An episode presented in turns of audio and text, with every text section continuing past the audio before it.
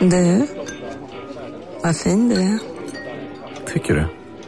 Ja, du ser ut lite som en vinkelslip från Makita. En X-look. Eh, Vet du lite för mycket om byggprodukter? Vi är med. -bygg. Bygghandeln med stort K. Du, åker på ekonomin. Har han träffat någon? Han ser så happy ut. Var det onsdag? Det är nog Ikea. Har du dejtat någon där eller? Han säger att han bara äter. Ja, det är ju nice alltså.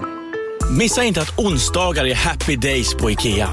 Fram till 31 maj äter du som är eller blir IKEA Family-medlem alla varmrätter till halva priset. Välkommen till IKEA.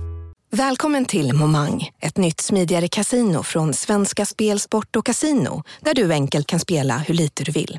Idag har vi en stjärna från spelet Starburst här som ska berätta hur smidigt det är. Jaha, så smidigt alltså. Momang, för dig över 18 år. Stödlinjen.se. Hej och välkomna till ett extra insatt avsnitt av Kolla Mustafi, Sveriges viktigaste podcast om Premier League. Eh, jag vill rikta ett extra tack till Mikael Svantesson, Jesper Bernspång, Gustav Arvidsson, Sars Lagerbäck, Fredrik Sjöberg, August Asp, som har eh, tillkommit eller höjt sina patrons sen sist. Um, Sars Lagerbäck var på fel plats förresten, men eh, han, kan, han eller hon kan få två tack. Eh, tack så jättemycket, vilket fint eh, gäng ni är. De som ska ha ett eh, ständigt tack är ju våra 25 dollars patrons. Man ger 25 dollar i månaden så ska man få ett tack i varje avsnitt, och det är Andreas Johansson, Sars Lagerbäck, Henrik Moberg, Måns Schultz, Simon Sved, Josef Törn och Nicke Tapper. Eh, stort eh, tack till er kulturhjältar. Vill ni att Kolla Mustafi och Kolla Sverige ska komma ut eh, regelbundet igen, då är vi bara 89 dollar, det är ju skrämmande lite, ifrån vår nästa nivå på Patreon, som är två avsnitt i veckan istället för ett, vilket ju gör att eh, det blir så här Kolla Mustafi härligt eh, varannan vecka och eh, Kolla Sverige varannan vecka, eller sådär. Eh, det kommer vara ett av dem varje vecka i alla fall. Så ser vi till att bara 89 till kommer in nu, så kan vi ha det så här härligt jämnt från och med nu. Eh, så är du inte Patreon, superläge att ge sig in på patreon.com kolla svensken. Du stöttar oss, men får också tillgång till extra material, till exempel vår Fantasy Premier League-podd som kommer inför nästan varje Game Week, en gång i veckan. Eh, och eh, eh, även tillgång till supermycket gamla grejer som ligger där, och allt framtida och sådär. Eh, du kan också liksom se dig om på stan med en stolt blick och veta att du gör ditt för svensk eh, poddkultur. Man stöttar ju allt jag och Jonte gör där inne liksom, men nu är det väl framförallt för att vi bara är 89 dollar ifrån eh, nivån eh, som är eh, två avsnitt i veckan. Så ge er in och lös det nu. Eh, tack så jättemycket till alla er som är där, ni är otroliga människor. Nu, kolla Mustafi. God lyssning!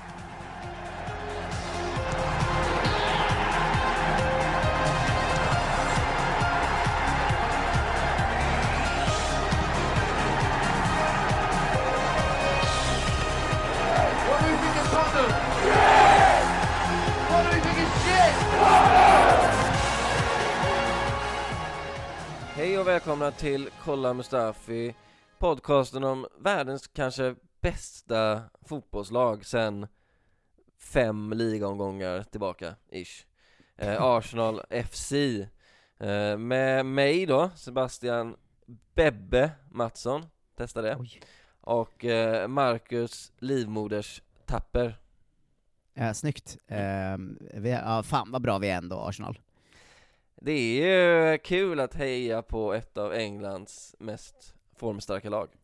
Vi har inte släppt in mål sen Boxing Day, och då har vi spelat fem matcher sen dess. Nej, och vi har ju också ganska dåliga backar, så det säger väl en hel del. När vi får in bra backar, då kommer det vara omöjligt att göra mål på, på oss. Ja, Jag såg att det vanliga liksom, Arsenal-Twitter-narrativet kom igång igen, typ igår, att så här, tänk vad det här laget skulle kunna göra med Saliba också. Ja, ja fy fan, fy fan vad man hatar Arsenal-Twitter. Fy fan vad man hatar dem alltså. Ja, men om man ska eh, på riktigt säga det så här, vi är ju två poäng efter Chelsea nu, eh, och liksom, alltså Tottenham som gör världens bästa säsong är liksom bara sex poäng för oss. Ehm, Ja, det var ju lite trist det här med, med, med 0-0 mot Palace, för det hade kunnat Mm. varit ännu bättre. Ja, ja, verkligen. Det var ju också världens tråkigaste match genom tiderna ju. Ja, vi streamade ju den, och eh, efteråt kom jag på att jag minns inte en sekund av den matchen. Nej, Jag minns inte en verkligen. sekund. Eh, Det var så jävla tråkigt, men det har ju också varit lite så, fast bra de andra matcherna. Alltså Newcastle var ju första halvlek det tråkigaste någonsin, Ja. eh, och sen lyckades vi vinna ändå. West Brom kändes ju tråkigt i början liksom, men ganska snabbt var det så här, ja, men de är så jävla dåliga att vi vinner ändå med 4-0 liksom. Ja. Brighton, super, super, super tråkig match, men vi vann. Ja.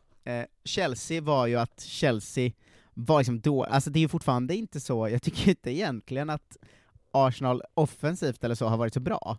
Eh, men det är tråkiga matcher och vi vinner, och det kan jag ändå ta just nu faktiskt. Ja, vi kan ju komma tillbaks till det, för jag, jag har, har lite tankar kring, kring det där. Eh, men, Mm. men, men vi ska ju säga så här att, eh, vi ska ju köra lite grejer nu i början, men vi tänker oss att det här, att temat för avsnittet i stort ska vara Mesut Özil. Och, Ja, och eh, hans eh, bisarrt långa flygresa framförallt, den måste vi ta upp sen. ja, ja, vi ska det. Men jag tänkte börja med eh, Nordkorea-uppdatering. Mm. Eh, Fortfarande ingen kontakt med Nordkorea, trots att vi bjuder ut oss. Som den värsta... Ja, vi har ju dels en logga som är eh, refererad till dem, men vi har också, både här och i våra Twitch-sändningar, gjort ständig reklam för dem, så man börjar ju lite eh, undra vad de håller på med. Ja, men jag tänker att vi, de har en superchans nu att solide, eh, vad säger man, solidifiera, säga att det är ett ord, solidisera det här samarbetet. Eh, för jag vet inte om du har hört, hängt med den senaste nyheten från eh, Nordkorea? Eh, nej, jag har missat eh, det tror jag. Nej, de hade en stor parad i torsdags, och de har inte parader så ofta, det är inte deras grej. Eh, och då presenterade de en ny ballistisk ubåtsrobot som enligt dem själva då är världens mest kraftfulla vapen. Det är alltså en så kallad SLBM-missil. Jag ser bilder nu på den, och den är den är stor som en jävla silo. Eh, och den ligger då på de här, de här gröna militärtrucksen och eh, den beskrivs av Nordkorea News eh, som en mäktig demonstration av styrkan hos koreanska folkarmén och dess militära och tekniska övertag gentemot övriga världen. Ja, det här låter ju väldigt bra. Och då tänker jag ju så här. Eh, den är ju jävligt stor som sagt. Man skulle ju få plats med en Kolla Mustafi-logga på den. Alltså jävlar vad mäktigt ändå. Alltså, tredje världskriget, de skickar en jävla ubåt mot, eh, inte Trump då, Bidens ubåtar, eller u- nej Bidens krigsfartyg Mm. Och det sista då den jävla kaptenen ser är våra ansikten Innan han bara exploderar, och hela hans eh, jävla flotta då Kaptenen hittades eh, med ett väldigt chockat eh, ansiktsuttryck. Ja, kaptenen höll precis på att lyssna på eh, When We Were Kings. Det kan man se på hans iPhone-historik, hans Apple-historik. Men Ja, det skulle han inte ha eh, gjort, för då kom vi och sprängde honom i luften Ja, verkligen. Eh, jag ser det här som ett hot, alla When We Were Kings-lyssnare. Ja, verkligen. Se vår podds existens som ett ständigt hot mot era liv. Ja, Jag tycker att alla som lyssnar på den här podden ska liksom hela tiden kolla sig lite över axeln, snart kommer de. Snart kommer de jävlarna, snart kommer den här jävla 50 meter långa missilen. Bara Det är kul att våra egna lyssnare ska vara rädda. Ja, men vi har väl alltid haft ett litet, eh...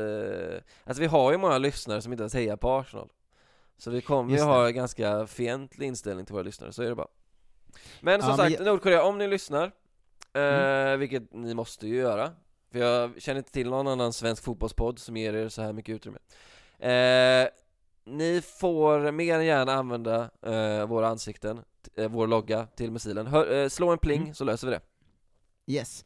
Eh, jag kan skicka den högerplast via mail om ni hör av er bara. Mycket bra en spelare som varit väldigt aktuell eh, i den här podden eh, är ju eh, Nico Genaris, Sebbe. mm. Känner till Eh, eh, Lee Ke eh, heter han ju eh, numera då, eftersom han spelar i kinesiska landslaget och därför har eh, bytt namn på något märkligt sätt. Ehm, han, precis som oss, har ju börjat twitcha en del. Mm. Eh, Det här har du lite koll på, men jag tänkte att vi ska uppdatera våra, våra lyssnare. Dels eh, om att man gär- gärna kan gå in och följa Like på, eller Nico Genaris, eller Like, hur man nu eh, väljer att kalla honom, på Twitch. Han heter E NEEKS23, alltså Neeks23.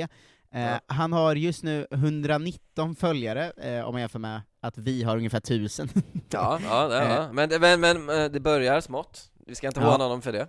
Nej, och han har ofta alltså fem stycken som är inne och kollar när han spelar, typ. Eh, och sådär. Ehm, men, men det roliga med han, eh, vi har en eh, eh, lyssnare som på Twitter heter ssgilacci123, ehm, som var inne och kollade på en av Nico Genaris eh, Twitch, jag tänkte bara uppdatera hur det var på den. Mm.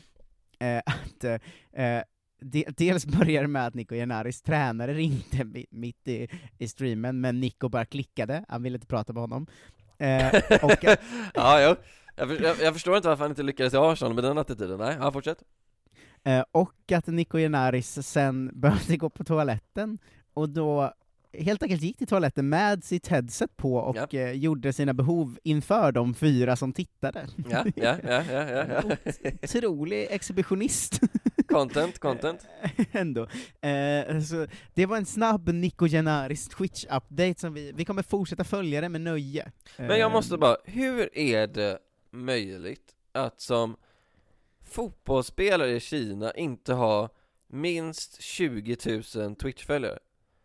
Alltså Mm. det är ett sånt jävla stort land sett till befolkningen Och han är alltså professionell fotbollsspelare Hur kan man vara, vi har ju öppnat över det här med, med, med att Chippen Wilhelmsson har ju börjat twitcha också Mm.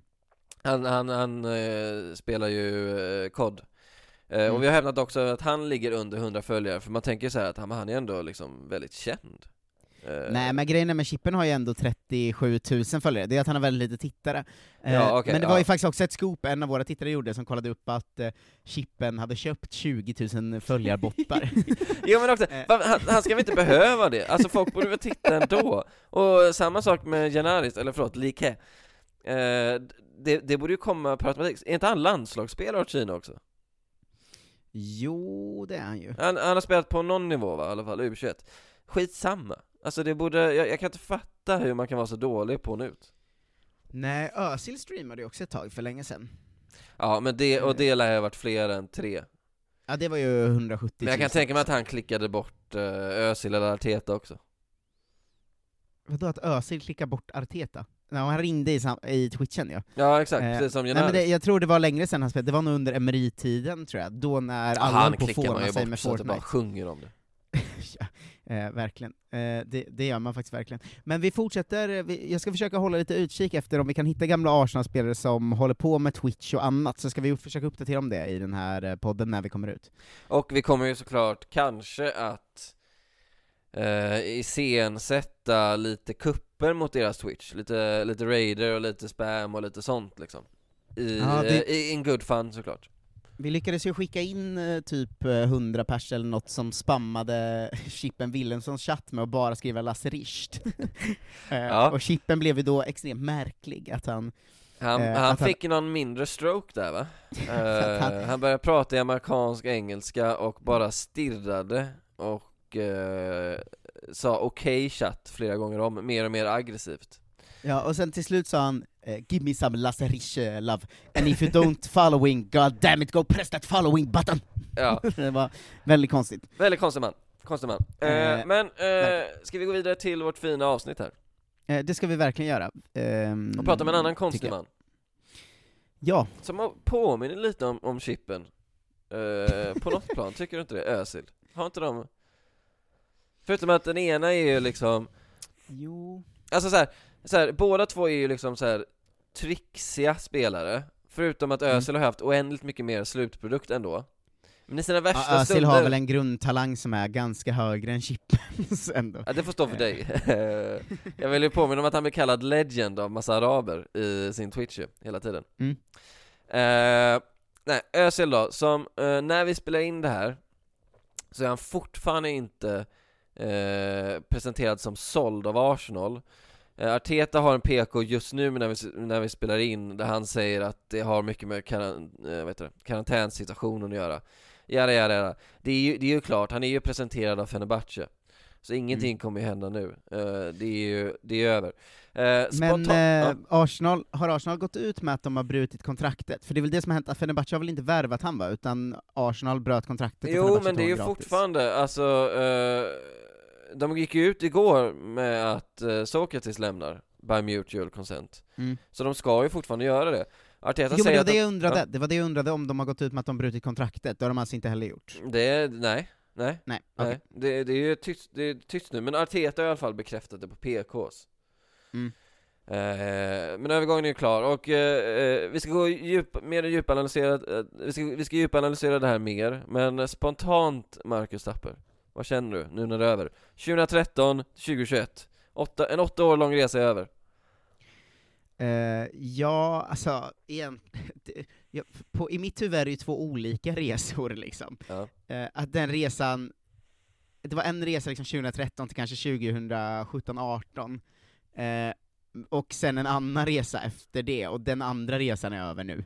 Ja. Ehm, eller fattar du vad jag menar? Att det, det liksom, jag tycker ändå man kan separera det lite för att det är supermisslyckat de senaste åren, men jag tycker, jag håller inte med de som skriver att så här, Özil till slut blev en flopp. Liksom. Alltså han hade ju ett par riktigt, riktigt fina säsonger också. Ja man måste ju fatta så här. alltså jag, jag fick en chock när jag räknade på det Alltså åtta år eh, Det känns så jävla länge ju Och som du säger, eh, de här åtta åren Du kan ju liksom inte ta den sista perioden och eh, låta den liksom stå som symbol för hela tiden eh, Man måste ju se Nej. till The ebb and the flow som jag brukar säga På, Özil har gjort väldigt mycket fel får man ju säga, men det finns också mycket som är liksom på ett sätt synd om honom. För att han var ju liksom, starten kändes det som på en, en satsning från Arsenal, och sen har ju 90% av alla transfers efter det varit felkalkylerade och dåliga liksom. Ja. Eh, och det är ju liksom inte på ett sätt hans fel, alltså om man kollar, vi, vi hade någon, jag har inte den listan framme nu, men vi kollade igenom någon lista över alla spelare som Arsenal har värvat sen Özil. Ja. Och det är ju extremt många storsatsningar, alltså det är ju miljarder vi har värvat andra spelare för sen dess. Ja, Och sen att det har varit dåliga rekryteringar som inte har hållit hans nivå och därför gjort att han inte har kunnat liksom, alltså han har inte kunnat trolla Arsenal bra igen själv liksom. Eh, det är ju inte hans eh, fel. Eh, nu pratar jag alltså inte om de sista två åren, utan kanske år ja men f- f- 14 till eh, 18 då ungefär. ja. Eh, det, det, det är mycket som har varit fel längs vägen där liksom, som gör att han, att det aldrig liksom blev det det hade kunnat bli liksom. Men det är inte, det är faktiskt inte bara hans fel. Nej, vi ska väl, det här, det, det, jag skickade en artikel eh, till dig inför den här inspelningen Mm. Eh, Du har det är lite sådär med din självdisciplin, men läste du den eller? Ja, den var väldigt, väldigt lång, men jag läste den ändå. Så lång var den ju inte alltså Den var ju inte Noah Bachner lång Nej, men den blev väldigt lång av att det var extremt mycket så reklamdelar i artikeln som jag var tvungen Ja. att scrolla förbi, så jag fick scrolla så jävla mycket. Men det är så jag får pengar genom reklam i text, så det, det, där ska du passa dig jävligt noga för att ge dig på reklambilder i text eh, Den är skriven av Miguel Delaney, Mm. som fick sitt genombrott eh, när han twittrade under VM, fan var det? Var det 2014? Nej fan var VM? 2014 när Mm. han twittrade att eh, Tyskland skulle vinna med 6-7 mål mot Brasilien Dagen innan eh, de gjorde det i semifinalen Mm. Och- Fan vilken flyt ändå alltså. Från honom eller?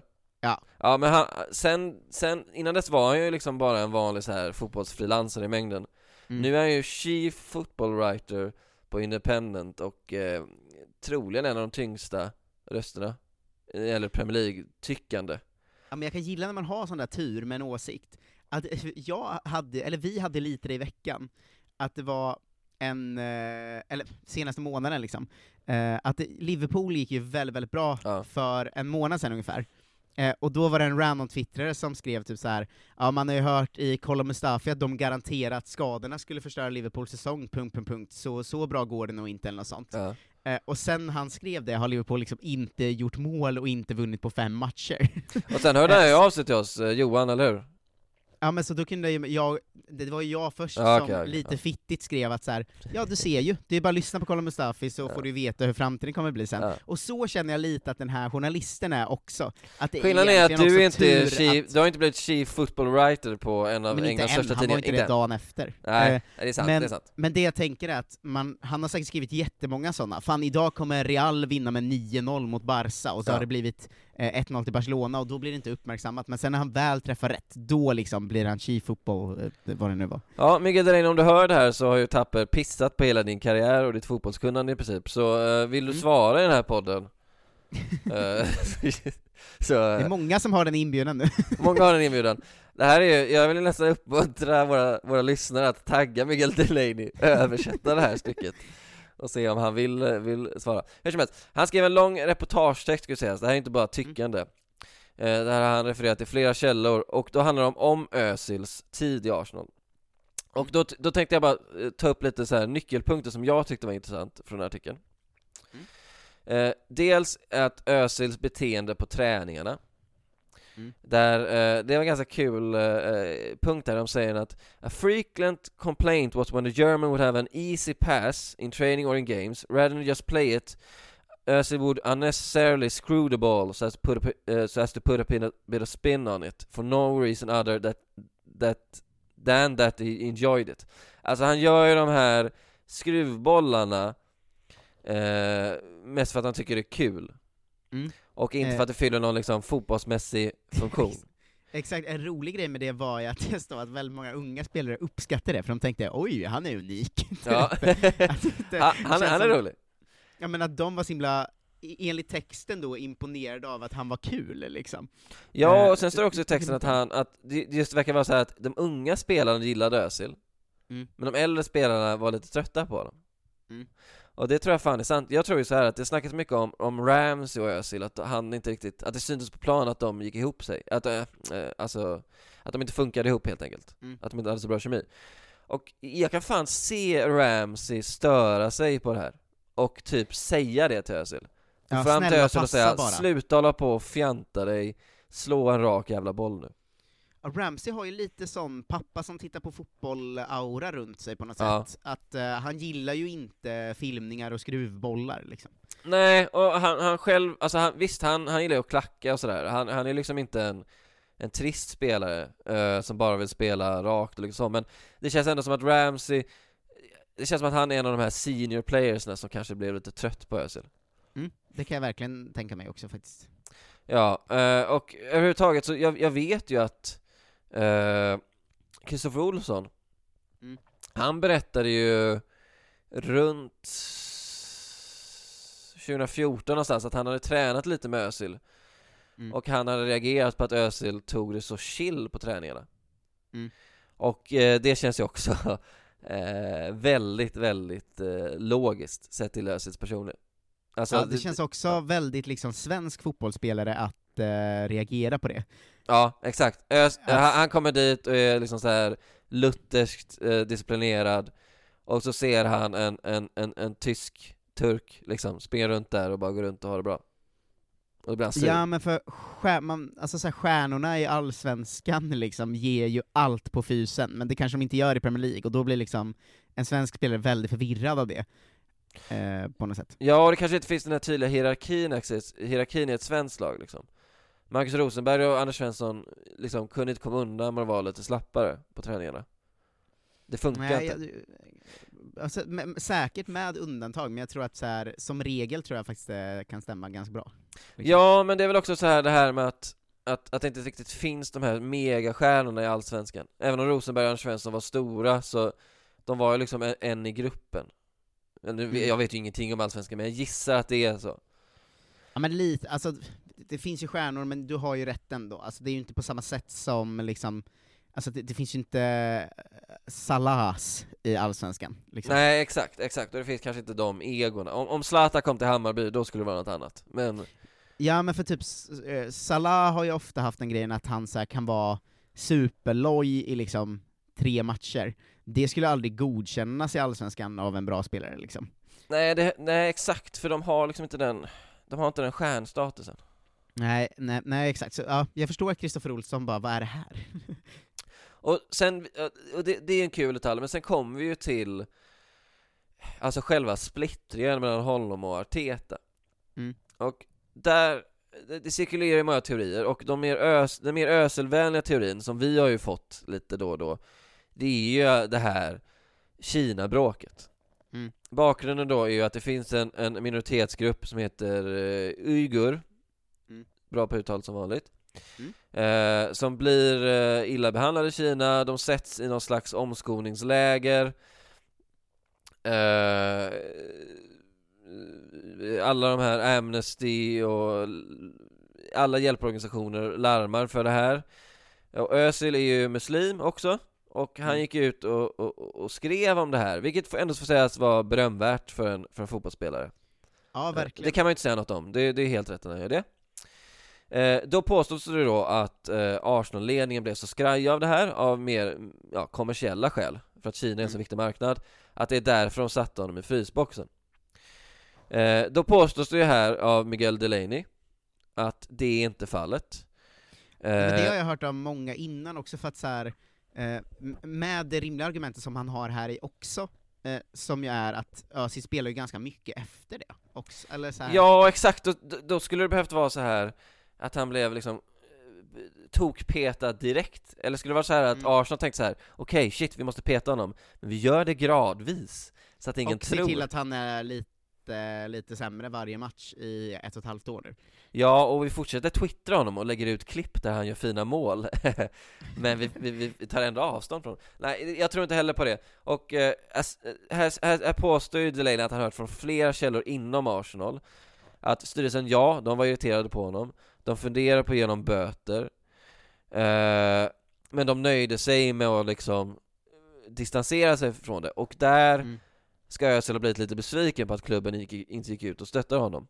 Och Mm. återigen, där är det lätt att ta Özils parti Eh, och, och, och då kommer vi in på det här Leonard Jägerskiöld-spåret att det är ju, den moderna fotbollen är ju själlös på det sättet. Arsenal tänker ju med plånboken. De går ju inte ut och säger ifrån mot Kina Ja, för samtidigt som det är lätt att ta eh, Özils parti är det också lätt att vara liksom djävulens advokat, att bara säga ja men ni får väl fatta att det är så det funkar nu tyvärr, liksom. Eh, ja. Eller förstår du vad jag menar? Att så här, man, man vill ju också säga till Özil att så här, eh, trodde du själv att Arsenal skulle eh, ha ryggrad gentemot eh, liksom kommersiella eller kapitalistiska eh, institutioner, eller på något sätt, vem du än bråkar med som har med pengar att göra, så kommer ju din klubb välja pengarna. Det är ju så fotboll funkar liksom. Ja, men Özil vet väl det Men han, jag tror också han tror han kan vinna lite PR-poäng på det För han vet att Arsenal inte kommer stötta honom och att han kommer framstå som the good guy där Vilket han gjort till viss del då, men, men vidare då till Art, Art, Arteta vs Özil, då- påstår då Delaney Och det här tror jag faktiskt på Att eh, om Arteta hade velat spela Özil så hade han gjort det och ingen i styrelsen hade sagt något om det. Utan då det då handlar om helt enkelt eh, Det är Özils beteende. Eh, De tycker inte att han köper Artetas eh, filosofi eh, rakt ut och att han inte är villig att commit, alltså han är inte villig att vara liksom engagerad tillräckligt mycket.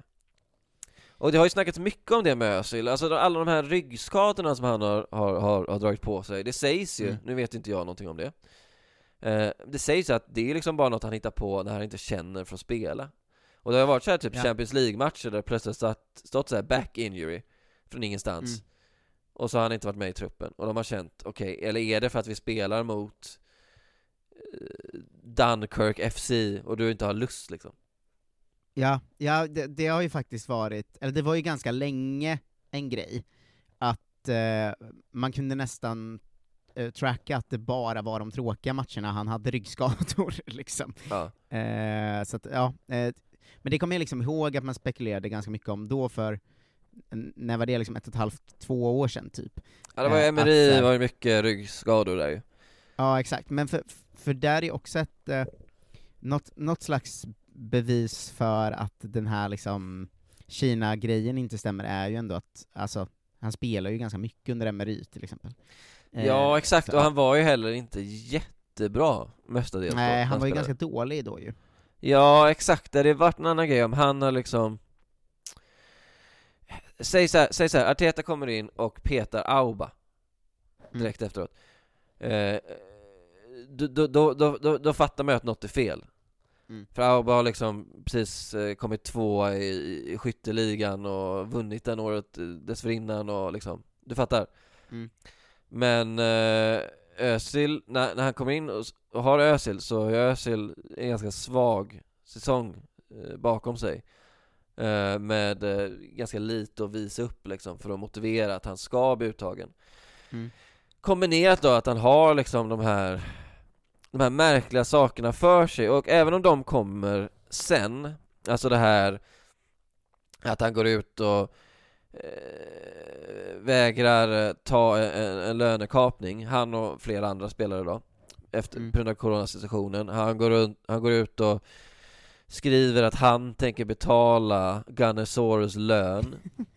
Han börjar live-twittra matcher när han inte är med i truppen. Alltså, de där vittnar ju om att Arteta har rätt i det han har rätt i det att, att Özil inte köper hans projekt fullt ut Att Özil inte vi, vill ju visa 100% lojalitet För de, de där grejerna han gör eh, Både maskoten och live-twittrandet Det är ju ett stort fuck you mot Arsenal och mot Artetas Arsenal.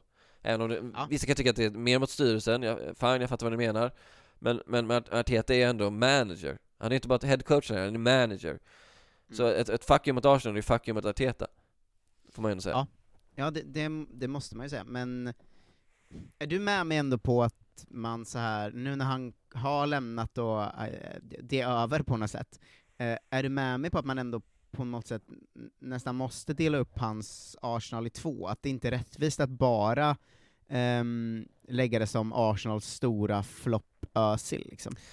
Nej, jag, jag, jag, är helt, eh, jag är helt med dig. Och vi ska också komma ihå- ihåg att han Att han hade ju en säsong Där han Slog fler assist än någon annan Premier League-spelare än Thierry Henry gjort. Mm. Alltså han hade alltså en säsong som går in i historieböckerna. Ja, och... eh, Det är eh, ju inte, det, det, det, det är så här, det är inte så att Nicolas Pepe eh, har en sån säsong Det är inte så att han går och jagar Henrys eh, assistrekord Nej, kommer du ihåg eh, vad man var eh, irriterad på den säsongen, eller vad Arsenal-narrativet var? Just den säsongen? Mm. Nej, påminn mig Att eh, det var bara Giroux fel att han inte slog det assistrekordet, var ju narrativet. Ja, Eh, för, för att Özil hade ju liksom en assist ifrån att slå det med eh, liksom 15 matcher kvar sen. Alltså han gjorde ju jättemycket på hösten. ja. Och sen så eh, var det något sånt, liksom tidig adopter av expected goals, men det var någon som pratade om att så här hade liksom Giroud bara satt de självklara chanserna, hade liksom Özil slagit rekordet med så fyra, fem assist liksom. Alltså det, Eh. det, det, är, det är verkligen så här Arsenal-nostalgi för mig Eh, det, det tyckte jag man såg så jävla mycket, du vet där, uh, Özil passar fram till Giroud, Giroud missar Och Ja. det här, Özils irritation och Girouds lite så här valputseende bara förlåt Förlåt liksom. Man tyckte så synd om Giroud när han fick de där blickarna från Özil Ja, man tyck, men man tyckte ju också synd om Özil när han slog såna, alltså så- han hade ju, eller har det väl säkert i sig någonstans fortfarande, men en nivå i saker han kan göra som extremt få andra spelare har haft liksom. Eh, för att vissa passningar han slog och vissa så här aktioner han gjorde var ju så yppersta världsklass att det liksom, det, det såg så löjligt ut sen när Giroud liksom super Hej, Synoptik här. Visste du att solens UV-strålar kan vara skadliga och åldra dina ögon i förtid? Kom in till oss så hjälper vi dig att hitta rätt solglasögon som skyddar dina ögon. Välkommen till Synoptik. På Sveriges största jackpot-kasino går hypermiljonen på högvarv. Från Malmö i söder till Kiruna i norr har hypermiljonen genererat över 130 miljoner exklusivt till våra spelare. Välkommen in till Sveriges största jackpot-kasino, hyper.com. 18 plus, regler och villkor gäller. Välkommen till Unionen. Jo, jag undrar hur många semesterdagar jag har som projektanställd och vad gör jag om jag inte får något semestertillägg? Påverkar det inkomstförsäkringen? För jag har blivit varslad, till skillnad från min kollega som ofta kör härskarteknik på möten och dessutom har högre lön trots samma tjänst. Vad gör jag nu? Okej, vi tar det från början. Jobbigt på jobbet. Som medlem i Unionen kan du alltid prata med våra rådgivare. Missade Ja. eh, läget sen. Men, men jag tycker också man ska komma ihåg de åren om man ska liksom stänga Özil i Arsenal, att eh, man, man kan inte bara se de här, eh, eller senaste två pissåren liksom. Nej, nej så är det. Sen, sen får man ju liksom så här. Man får ju också tänka att även de, de första, den, den bra epoken Mm. kom ju också med sina besvikelser Mm. För alltså, eh, så bra som Özil var i perioder där Mm. Att vi inte har mer, och det, och det är såklart många faktorer och där, där, där. Men att vi inte har mer än tre FA-cuper Mm. och visa upp för det. Ja men det var lite det jag pratade om med, ehm, eh, med Spurs ju också. Eh, alltså att så, här, så jävla bra period som de gjorde under Pochettino, att de faktiskt inte har något att visa upp av det. Att det finns inga titlar, ingenting att visa upp. Eh, det är lite samma med Özil, att så här, man kommer ju glömma vilken bra period han hade, för att det finns inget att ta på, liksom. Alltså Ja. historien kommer inte komma ihåg att han var bra, historien kommer komma ihåg att Arsenal inte vann något speciellt förutom några FA-cuper liksom.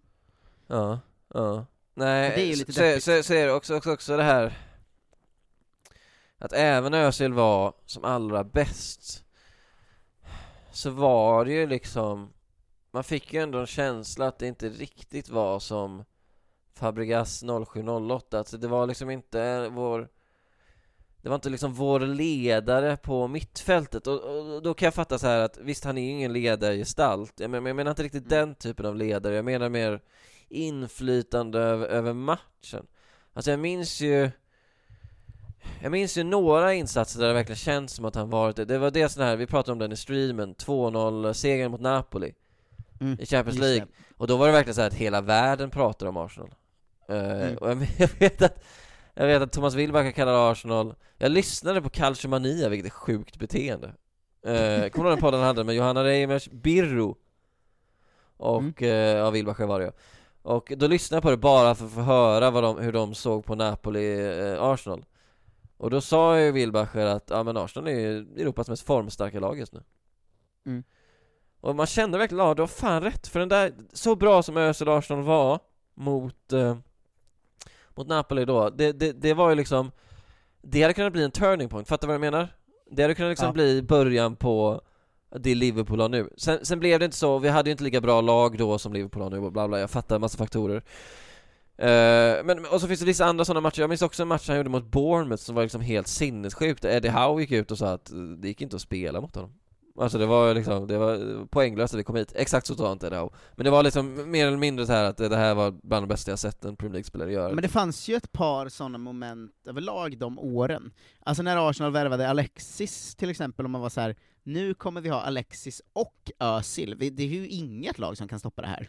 Liksom. Nej, och, de, och, Eh. de, och det, det som var så fint var ju också att de funkade så jävla bra ihop ett tag Wow. Alltså det var ju Sa du precis wow? Ja, det var fan vad... Då drömde man ändå.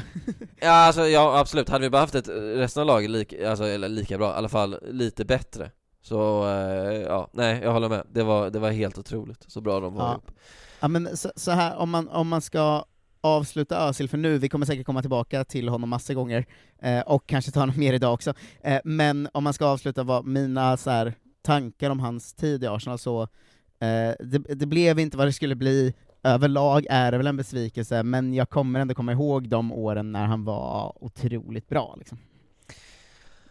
Ja, jag, jag, jag håller med. Jag, eh, jag, jag vet inte riktigt hur jag kommer att komma ihåg det. Eh, för jag, jag tänker så här, jag, jag tror inte jag kommer vånda, eller jag kommer inte våndas över det här jävla sista farvälet med live-bloggandet och, eller live-twittrandet och allt Nej, det det där. kommer man ju skratta åt. Om man Ja, jag, jag, tycker, jag, jag, jag bryr mig inte jättemycket om det Men jag kommer ändå nog se, se tillbaks på transfern och dess utfall som lite ändå Fan Fan också, att vi inte fick ännu mer ut av den här killen Jo men det är exakt det, att det är ju det, det är ju inte fan vad, att han var så jävla dålig, utan fan att det inte blev exakt vad det skulle bli. Det var på väg att bli så bra, men så blev det aldrig det. Ja, Liksom. nu, vet du vad vi ska göra nu min gode vän? Vi måste först bara också ta upp att han, hans flygresetweets ju, kom jag på. Eh, Att han, ja. Att han den eh, 17 januari la upp eh, nu flyger jag till Istanbul, sen var han typ tyst i två dagar, och sen två, 19 januari la eh, touchground Istanbul, och så var det en bild från samma plan. Eh, Ja. Menar han då att han har flugit i två dygn? Är det en sån här jävla Twilight Zone-grej som det här malaysiska planet som försvann? Har han liksom varit inne i en parallell luften i två dimension? dygn. Det är så jävla konstigt. Özil. Eh, ja, inget han gör är normalt. Jo, men eh, apropå Özil då, så jag Mm. bad dig, eh, jag tvingas, tvingas be dig flera gånger för du har svårt att ta instruktioner. Mm. Jag tror det är en rest från särskolan. Eh, men hur som helst, jag bad dig ta fram de fem mest, om vi säger, vi säger ändå det här att, att det här är ju, vi är, all, vi är båda överens om att han behöver försvinna från Arsenal, men vi kan Mm. mm. betrakta det som en, en smärtsam sorti på något sätt. Man gör mig lite ledsen. Mm. De fem Arsenal-sortierna spelare då, Wenger räknas inte även om han skulle vara etta för mig, Mm. eh, som gjort dig mest ledsen. Eh, har du rangordnat dem så vi kan börja bakifrån? Ja. Men eh, då gör vi det, och sen, eh, sen ska jag kommentera och se om min lista är ungefär likadan eller om jag har något annat namn och, och slänga in där. Mm. Eh, jag ska säga att det, bli, det blir ju, eh, när man skriver en sån här lista så måste man ju också ha med sig att jag är eh, 26 liksom, så smärtsamma transfer som har hänt innan p- jag på något sätt eh, liksom var en medveten supporter, eh, går ju bort ganska automatiskt därifrån, så att alla är med på det. Eh, så det är ju ganska mycket modern tid. Men på femte plats ehm, har jag Alexis. Eh, Ja. den är inte så högt upp på listan som den skulle kunna vara, för att det var på något sätt på gång så himla mycket, att redan ett halvår innan så trodde man att han skulle gå till City, Ja. eh, och eh, sen försvann han till slut till, till United, men, men den gjorde så ont för att han eh, en, han var så jävla bra liksom. Ja, Eh, ja men var det inte också att liksom- man, eh, man, man, man hade liksom eh, förhoppningar om att han ändå skulle förlänga kontraktet, för det fanns, jag minns att jag gjorde alldeles för stor grej av det, men att han, han gjorde mål och kysste eh, Arsenal, eh, Arsenal-skölden. Mm. Och då det fortfarande pratades om att han skulle förlänga, och då kände man, ja, kan, de kanske lyckas övertala honom. Ja, och sen, det var något med, eh, alltså att det gjorde, gjorde så pass ont ändå var ju att han, när han gick var det ändå som att så här, ja just det, vi är fortfarande en klubb som de bästa spelarna inte vill vara i, liksom. Ja, exakt. Eh, så, så den, ändå, det smärtade mig ganska mycket faktiskt när han gick, även om det var så pass sent i tid att man var i någon sån, vi är, vi är ett jävla skämtlag-period, liksom. Ja. Eh, men, men den gjorde faktiskt ganska ont, eh, tyckte jag. Eh, fjärde plats, eh, eh, jag skulle säga så här, ett, två, tre är sådana som gjorde ont för att det gjorde så jävla ont. Ja. Eh, fjärde plats är en som gjorde ont för att det också var så här på något sätt han som skulle, i mitt huvud, var, var, Arsenal, och den här visste man också lite, ganska långt innan ju, men det var ändå Aaron Ramsey. Eh, för Ja, att jag hade ja. så himla mycket känslor för honom. Ja. Och den gjorde också ont för att den gjorde ont under lång tid. Alltså det var liksom ett halvårs smärta av att varenda match man såg visste man att så här, "Ah, han är ju den enda som brinner, han är den enda som gör något och han kommer försvinna liksom. Eh, så var han såklart inte den enda, men du fattar vad jag menar ändå. Ja, ja. Eh, så, så han är där. Tredje plats ehm, är Fabregas eh, för mig. Eh, Ja, eh, oväntat låg kanske. Mm, oväntad låg kanske. Eh, alla vet hela Fabregas-grejen liksom. Eh, det, den behöver man ju eh, nästan inte dra. Den, den slogs ju väldigt mycket med andra plats om vem jag skulle sätta högst upp. Eh, ju. Eh, men, eh, ja. Behöver man liksom ingående gå in på varför Fabregas var jobbigt? Ja men kör ändå, för du har ju ändå vissa icke-Arsenal eh, eh, som kanske vill, vill få en känslomässig bakgrund. Du kan ju nämna att han var vår yngsta, att, att, att, att Wenger verkligen hade tagit in honom för att bygga hela laget kring honom. Han hade blivit eh, Ja. kapten vid typ 21 års ålder. Ja, han var ju också eh, fruktansvärt bra, och eh, på något sätt ändå eh, lite det här som så här Beirin har varit en av de få på slutet ändå, att det kändes som att han så himla mycket hade ett eh, genuint Arsenal-hjärta liksom, att han inte bara var en spelare. Det tror jag också att han har. Alltså jag vet att vi har skämtat lite om det. Eh, Mm. Men jag, jag tror faktiskt han... Jag tror, och, och, och nu ska jag inte romantisera så mycket, men jag tror fan Wenger var, var duktig på, att- på att bygga upp det hos vissa spelare. Jag tror till och med Mm. typ fan Percy också gill, älskar Arsenal någonstans. För att det var liksom, det var more than a club som eh, Herbert Chapman sa.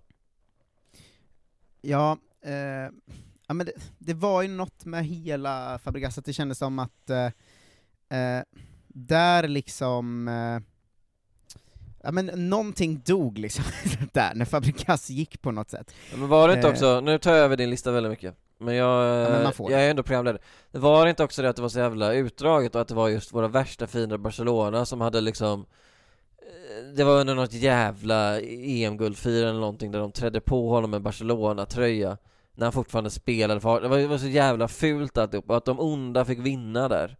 Det gjorde så ont igen. Ja, men det var också mycket att eh, eh, när han gick, att det var så här eh, Alltså när han blev klar för Barcelona, att han var mycket så här. jag var där i åtta år och gav allt, men jag vann ingenting, och eh, klubben är på väg åt fel håll, att han, han liksom rygghögg ju ganska mycket när han gick också, kommer jag ihåg. Ja. Eh, så det var så mycket, alltså det var vår kapten, det var vår yngsta kapten, det var en superbra spelare, det var någon slags jättestark Arsenal-symbol, som, som du säger, som de onda tog, och han då liksom verkligen vände oss ryggen direkt. Och det, Ja. det, det är det som gör att jag eh, kokar varje gång han ska skriva något om Arsenal nu ju. Ja, ja, ja, jo, eh, jag, jag, jag fattar vad du menar. Ja, eh, an, andra platsen kanske är konstigt att jag satt över, jag vet inte, men den var så jävla jobbig tyckte jag. Mm. Eh, och det var Robin van Persie ändå till United. Ja. Eh, många kanske hade satt den lägre på något sätt. Nej, Eh, jag, men jag, jag, jag håller... Jag skulle nog sätta för, men jag, jag, jag, tycker, jag tycker den är riktigt jobbig. Jag är spänd för att se ettan nu faktiskt. Eh, ettan... Eh, Men du kan ju ja, köra vi vidare med van med Persie, jag firar med van Persie först. Ja, eh, men det var ju verkligen ett sånt tydligt, också så som han pratade om det och sånt, att så här, United är ett steg upp från Arsenal, en klubb man vill spela för, alltså som att Arsenal bara var liksom, någon sån liksom, jag stannar till här på vägen mot en stor karriär liksom. Ja. Och det här var ju också en liksom ledare och kapten i vårt lag, igen. Ja. Ehm, så, så att det var någonting, alltså jag, jag vet, det var, det, det finns väl, det som gör den på ett starkt på ett annat sätt än Fabregas är ju liksom eh, Arsenal United är ju ändå en annan grej än Arsenal Barcelona. Alltså det Ja. är, under hela min uppväxt var det ju liksom Sir Alex versus Wenger varenda år kändes det som. Eh, och att det var liksom, jag kommer ju från, jag tror en generation som avskyr United mer än allt annat om man håller på Arsenal. Jo, jag, jag håller med. Eh. Eh, Vi har, vi har, det, det, det har vi gemensamt, verkligen. Ja, eh, så att, eh, jag vet inte, det, det är något med just, eh, just United som, som gjorde den extremt jobbig. Ja.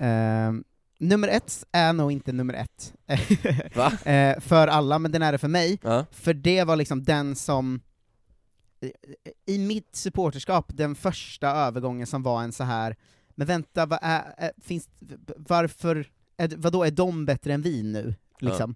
Och det, jag vet inte om andra ens håller den starkt, för det kan vara att jag var ung, men för mig är den värsta Ashley Cole till Chelsea.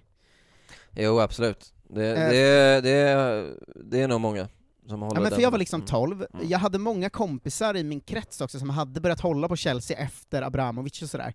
Eh, så att på ett sätt var Chelsea också en så personligt jobbig klubb för mig. Ja. Eh, men det var, han var ju liksom världens bästa vänsterback i princip. Alltså Ja. han var ju fruktansvärt bra. Ja. Han var liksom en egen Arsenal-spelare som alltid hade varit med. Han var med i Invincibles, han var liksom kändes ju som en framtida kapten som skulle spela hela sin karriär i Arsenal på något sätt. Ja. Ehm, men så bara drar han till Chelsea, det är ju fan helt sinnessjukt, vi fick ju inga pengar för den heller väl? För han satt på utgående kontrakt eller något sånt. jag, vet- jag Eh, minns ja, inte riktigt, jag kommer ihåg att vi fick väldigt lite betalt i alla fall. Nej, men vi fick ju eh, Gallas plus en summa, och Gallas Ja, där, ja det, vi kan göra ett Gallas-avsnitt någon gång tycker jag Ja, men för det var ju liksom ett, eh, ett så här, Chelsea var ju så himla mycket där de åren, alltså att Abramovic hade kommit in, de hade blivit bra, de hade liksom eh, slagit oss i Champions League va, något år innan? Eh, Ja, så kan det vara, jag kommer faktiskt inte ihåg Eh, och eh, sen så här ja men verkligen började, och det här kändes som att det här vart ett sånt så här att Ashley Cole då var den som sa eh, nej, de som kommer vara bra från och med nu är Chelsea, inte Arsenal. Ja. Eh, och att jag var liksom 12, och jag kommer ihåg att jag tog det så himla hårt liksom, på något sätt. Men det, det, jag vet inte om det också var för att jag hade massa kompisar som höll på Chelsea och så, men, men det, Men när du här säger slog så här, de hårdast har, mot det, det är så kul när du beskriver dina kompisar som De har börjat heja på Chelsea efter Abramovic Då känner man redan där och då att visst, de var 12 Men man borde ju ha Tagit ut Ja, dem i en, skogen en av dem hade faktiskt hållit på Chelsea sen innan Abramovic Ja det är okej, Kanske. men resten tar man ut i skogen och sen händer det saker där Och inte, inte Eh. sexuella övergrepp då, utan Eh, verkligen. an, andra saker Eh, men, eh, nej, nej men jag vet inte, jag, jag, jag kanske, jag har svårt, när man är så pass ung som ändå 12, så har man ju väldigt svårt att bedöma hur, hur det står sig till andra Arsenal-supportrar liksom. Så jag vet inte om den här var, var lika jobbig för all, alla, men jag gissar att den ändå måste varit det. Jo men det, det tror jag verkligen, och eh, den gör ju fortfarande ont för att sen gick han ju vidare och vann så otroligt mycket med Chelsea Mm. Så återigen, det, onda vann på något sätt Ja, verkligen. Men det var min topp fem i alla fall. Ja, jag, jag, jag, så här, jag, jag slänger fram lite andra namn, jag, Mm. som jag också eh, tycker är väldigt jobbiga. Ett är ju eh, Laurent Koscielny Ja. Som ju länge var, jag tror han kanske var min favoritspelare i Arsenal Men det var, för det, var, det här var ju när du och jag eh, ganska nyligen hade lärt känna varandra va? Ja, Eh, och jag kommer ihåg att då, de matcherna när vi kollade Arsenal tillsammans, att du verkligen brann för Koscielny. jo men jag, jag, han var liksom, jag, jag har någon fascination för just mittbackspositionen Och Mm. jag gillar också så här anti-Andreas Granqvist mittbackar, så vet de här eleganta mittbackarna Ja. Smarta Han är alltid ditt exempel ändå. Ja men jag, jag, jag tycker faktiskt Andreas Granqvist, jag har inget emot honom som person Men som fotbollsspelare är Jag tycker faktiskt det är riktigt illa att han ens får spela fotboll Men hur som helst, eh, Ko- Koscielny Mm. Han var ju också lagkapten och eh, han, jag har inte köpt en Arsenal-tröja sen Arshavin liksom Mm. Eh, Men jag var faktiskt nära i alla fall att köpa Koscielny Och att han då, att han då liksom strejkar sig bort från klubben Men det kom så jävla oväntat också tyckte ja, jag. Verkligen! Alltså, Men jag var inte alls beredd på att helt plötsligt att Koscielny skulle börja strejka. Alltså jag tyckte jag kommer ihåg när man läste de nyheterna och bara var såhär va? Vad hände? Eller vad är det som pågår? Han liksom vägrar sätta sig på flyget Ja. Och eh, jag, jag fattar väl att han vill till, till Frankrike och att han vill flytta hem med sin familj liksom, men att göra det på, på, det, på det sättet Nej, jag, eh, ja Mm, Jag- ja men den, den håller jag med om. Alltså, den, den var speciell, men den var också, den var ju under den perioden jag som mest hade gett upp Arsenal, på något sätt. Eh, som lite den här podden grundar sig i. att det var ju liksom i början på den perioden, att eh, jag hade börjat så här Alltså det här är ett eh, jävla joke club alltså. Ja, verkligen. Ja, ja, ja, Ehm, exakt. Och att han gör det. Och sen, sen absolut, han kan, ju han kan ju tycka så att styrelsen har fuckat honom lite och bla bla, men Mm. vad i helvete?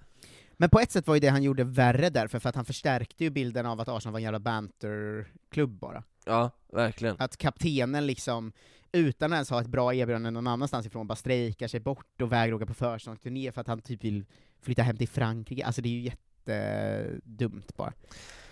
Ja, så den gjorde ju ont. Och sen vill jag ändå sätta, precis som där Ramsey där, så Wilshire, det var ju klart ingen, Mm. ingen infekterad övergång, men det var ju ändå ett avsked som var, Ja men jag står Deppigt. mellan de två lite. ja, Eh, för att så här, även om Alexis kom sist på listan var han tvungen att vara med, för den gjorde väldigt ont i mig. ja. Eh, men alltså Ramsey och Wilshire är ju lite samma punkt på listan på något sätt. ja. Ehm, fast, fast på olika sätt, att Wilshire är ju för att han aldrig blev det han skulle bli, um, medan Ramsey är att eh, han såklart ville gå till bättre, jag tycker de skiljer sig ändå lite, men jag, jag förstår ändå att, vad du menar. Den gjorde ont fast på ett annat sätt tyckte jag. Och den har ju liksom så här. Alltså Ramsey, där kände man ändå att Arsenal Visst, han har varit jättebra att ha nu också, men Arsenal fick ju ut det bästa av honom Mm. Även om han eh, hade förtjänat att vinna titlar och så Wilshire är ju hela tiden det här what if liksom Ja. Jag tycker, jag tycker varje gång, jag, jag måste avfölja honom på Insta, för varje gång jag får se en bild på honom så är det Fy fan vad deppigt Ja, han är, ha, vad ska han göra? Nu ska han harva runt i Bournemouth ja. Ja, han var ju där på lån för, eh, jag kommer inte ihåg när, men eh, ja, nej det är deppigt alltså. Ja, det, det, det är faktiskt det, på, på riktigt deppigt bara. Sen har jag några andra som är så här. jag vet inte riktigt vad jag ska känna med men Adebayor till City, det Mm. var ju inte kul. Nej men han, det, det var lite vänta på det, för att han kändes ju som en jävla fåntratt. Ja exakt, man var ju jävligt trött på honom, men det var ändå inte kul. Nasri lite samma sak där, man var trött på honom. Men Mm. det var pre- precis som du sa med Ashley Cole eh, till Chelsea, att det var liksom en, en, påminnelse om att, aha, nej, vi är andra klassens klubb alltså. Ja. Ja men Nasri var ju jobbig, men han, han är lite samma som Adebayor, att man är så här. ja men du är ju en superfåne, gå och gör vad du vill någon annanstans. Ja. Och sen Alexander Schleb också Mm.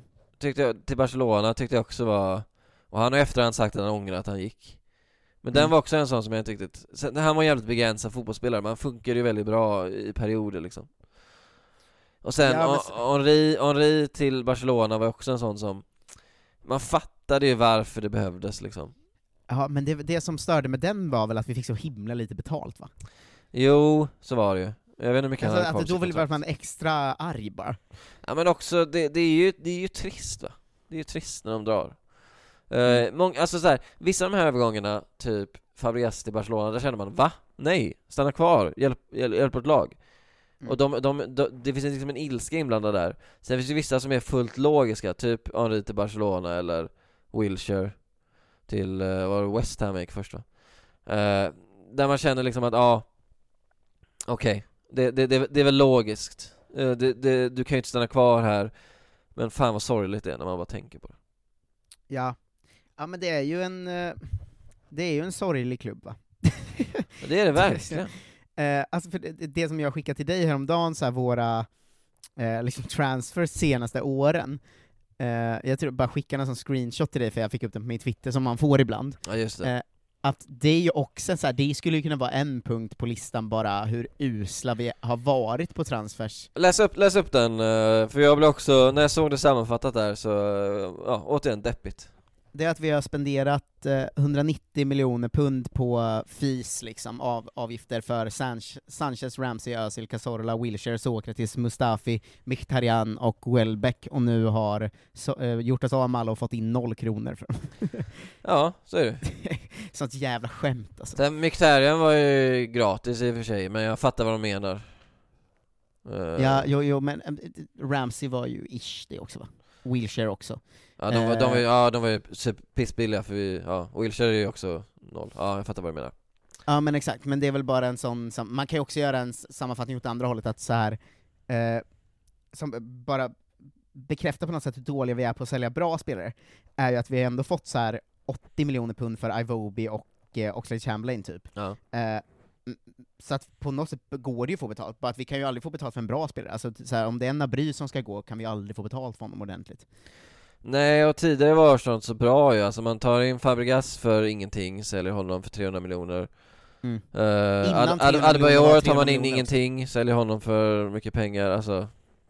Ja, och det var, men det var ju också på en tid när 300 miljoner var mycket.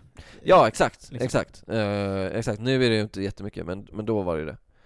Ja, nej men det, det finns någon, eh, alltså om man, sen 2000, mm, kanske start Ashley Cole då, sen dess har ju Arsenal transfermässigt varit ett jävla sorgebarn alltså. Ja, det, Mycket- det går inte att uttrycka på, på något annat sätt va? Nej för egentligen, vi kanske, vi, vi, ska, vi ska inte eh, gå igenom alla för det är för långt liksom, men så många dåliga in vi har gjort sen Özil. Alltså Özil var ju ändå en bra in på ett sätt, vi fick ju honom ganska billigt relativt också. Eh, Men, Alltså det var ju transferrekord, men ja, det kändes inte som, eh, super, vad var det, 420 miljoner kanske, någonstans Ja, då var han liksom eh, ish 25 och på någon slags peak, alltså hur bra som helst var han ju. Ja. Eh, så att det, det var ändå en grej, men sen dess är det ju liksom så många olika Skodran Mustafi-filurer som har värvats in för helt, eh, eller för ganska mycket pengar liksom. Ja, vi, kom, vi, vi, jag har det inte framför mig, men, eh, eller kan vi, vi ska säga Arsenal Transfer Records, och så ser vi vilka som hänger kvar eh, Underhåll vår publik i tre sekunder, Marcus Tapper Eh, så, jag försökte säga äh, i tre sekunder, men det höll inte hela vägen. Eh, jag har hört det i eh, många poddar, att eh, det, det är en sån här programledarknep de gör när de vill byta ämne, att de gör så eh, eh, eh, vad hade vi mer? jag tänker alltid, tänker alltid på varför klipper de inte bort det där? Ja. Eh, och sen så, inser jag att man själv gör det Så väldigt, väldigt sättet du liksom på något sätt ändå eh, Sättet du vill, för, vill underhålla våra, våra lyssnare är att du har en metadiskussion om dåliga sätt att underhålla lyssnare Ja. Ja. Det är så, jag jobbar ju med många nivåer. Ja, okej Ja eh, Ska vi se här, eh, ja men eh, okej, eh, PP är det största, 80 miljoner pund Ja, det, ja. det är pengar. Ja. Sen kommer ju Auba och Lacazette, 65 och 53 Där får jag ändå Mm. säga att Bra Lacazette något slags överpris ändå, men bra ändå på något sätt. Ja, han var ändå 26 Sen Partey, än så länge Men den får vi väl hålla som bra Cup Ja, ja, verkligen. Özil sen Xhaka, 45 miljoner euro. Mm. Ja, nej alltså har Han har ju aldrig levt upp till den prislappen. Sen kan vi säga att han har haft en ganska bra period nu, men nej. Nej. Nej, det går, det går inte. Alexis sen, ja, värd pengarna. Mm. Mustafi, nej. Nej. Sen Mkhitaryan, jag fattar inte, fick inte vi honom, vi bytte väl med Vi bytte han Så- mot Alexis. Ja, jag fattar inte varför han står 34, ja skitsamma, skit honom. Jo, för att han står i Alexis värde då. Ja okej, ja, ja, Det är eh, som att så här, Zlatan till Barca var en svindyr övergång, för man räknar liksom in ett hos värde i den. Ja. Eh, sen kommer ju Saliba, där vet vi ju inte vad fan som händer. Nej. Eh, Lucas Torreira, Mm. måste sägas vara en flopp när man lägger 300 miljoner på Ja. mittfältet och sen bara, ja, borta. Tierney känns ju ändå bra än så länge. Eh, Ja. Gabriel, ja. Leno, 25 miljoner, ja. Men Cha- vet du vad man nu? Chambers, Att- 200 miljoner, är ju, ja, det är ju vad det är. Ja, men vet du vad man hör nu? Att när du går igenom det så här, det är ju faktiskt, än så länge då, vi får se hur det faller ut, och borträknat PP så är det ju faktiskt mycket bättre de senaste två åren. För att alla du, Ja. vi säger nej på är ju från innan, och de vi säger ja på är nu, men det kan ju också vara att de floppar nästa säsong då, vi får se.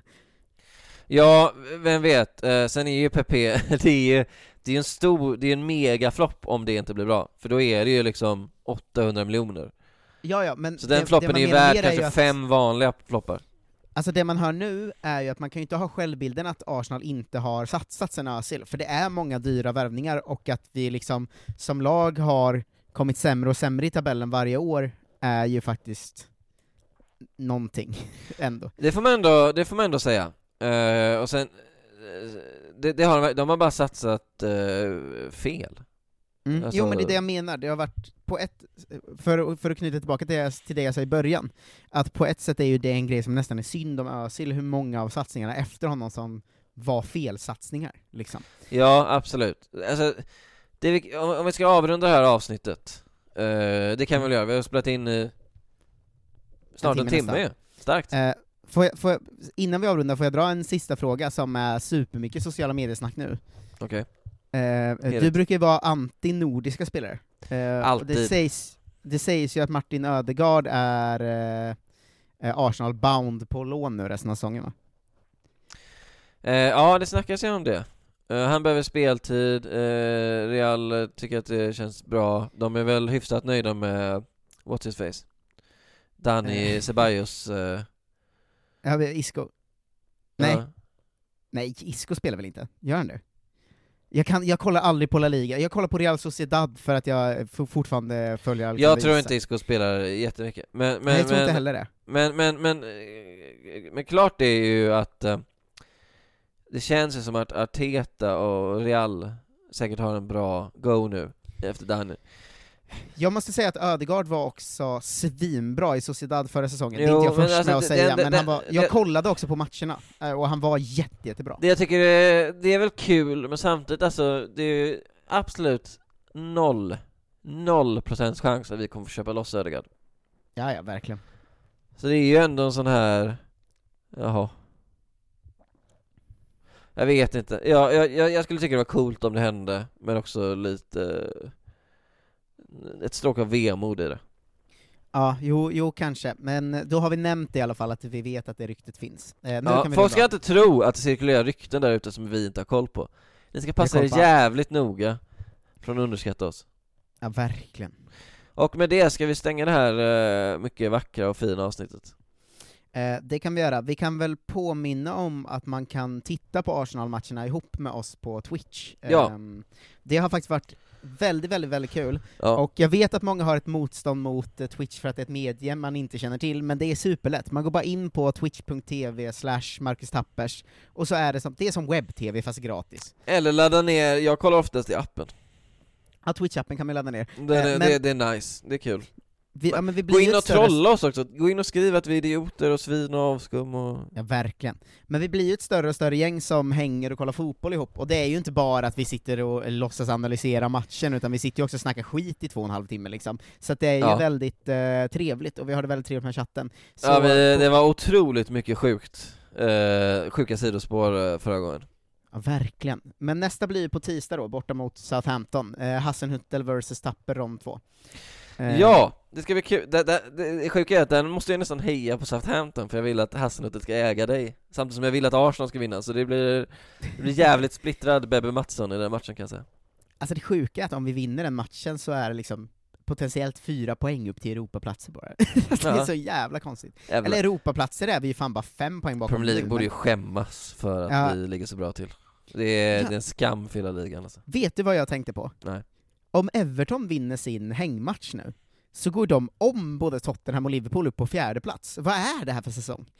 Everton som man har intryck av har varit sämst efter en bra början liksom. ja. Ja, och vet vad det är ännu konstigare är? Att om de vinner sin andra hängmatch, då går de liksom om, eller ifatt Leicester också, upp vid tredjeplatsen och är en poäng efter Manchester City typ. Eller nej, de är på samma poäng som City, fast City har också en hängmatch kvar då. Eh, så det är ju liksom, det är en skitdålig säsong, vilket gör att United kommer vinna, och nu är jag ännu ledsnare för allt. För att citera min kompis eh, Mattias Struten Selin It's a crazy life det är fan helt jävla galet. Ja. eh, tack för att ni lyssnade på Kolla Mustafa i alla fall. Nu får du avsluta podden. Ja, tack så mycket för den äran. Eh, eh, eh, vi uppskattar det som fan, och eh, som vi säger, allt fler kan kolla på, på streamen som är liksom en förlängning av den här podden. Och eh, jag vågar lova att ni behöver inte ens kolla på Arsenal-matchen, ni kan bara kolla på oss. Slökolla Ja. lite. Det, det, det, det, är, det är bra content, det vad det. Eh, eh, tack Marcus för att eh, du eh, svarade när jag ringde. Eh, det var så lite så, det var väl jag som ringde. Ja. Skit, ja, skit jävla samma. Ha det så bra så hörs vi nästa vecka. Hej. det gör vi, hej.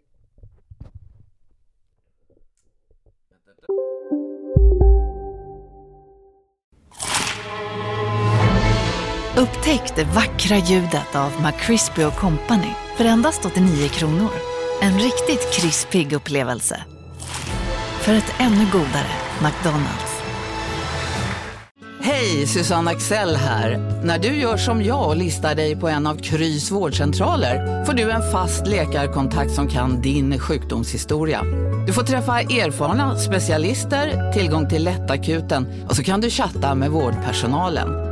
Så gör ditt viktigaste val idag, listar dig hos Kry. Nej. Dåliga vibrationer är att gå utan byxor till jobbet. Bra vibrationer är när du inser att mobilen är i bröstfickan. Alla abonnemang för 20 kronor i månaden i fyra månader. Vimla! Mobiloperatören med bra vibrationer.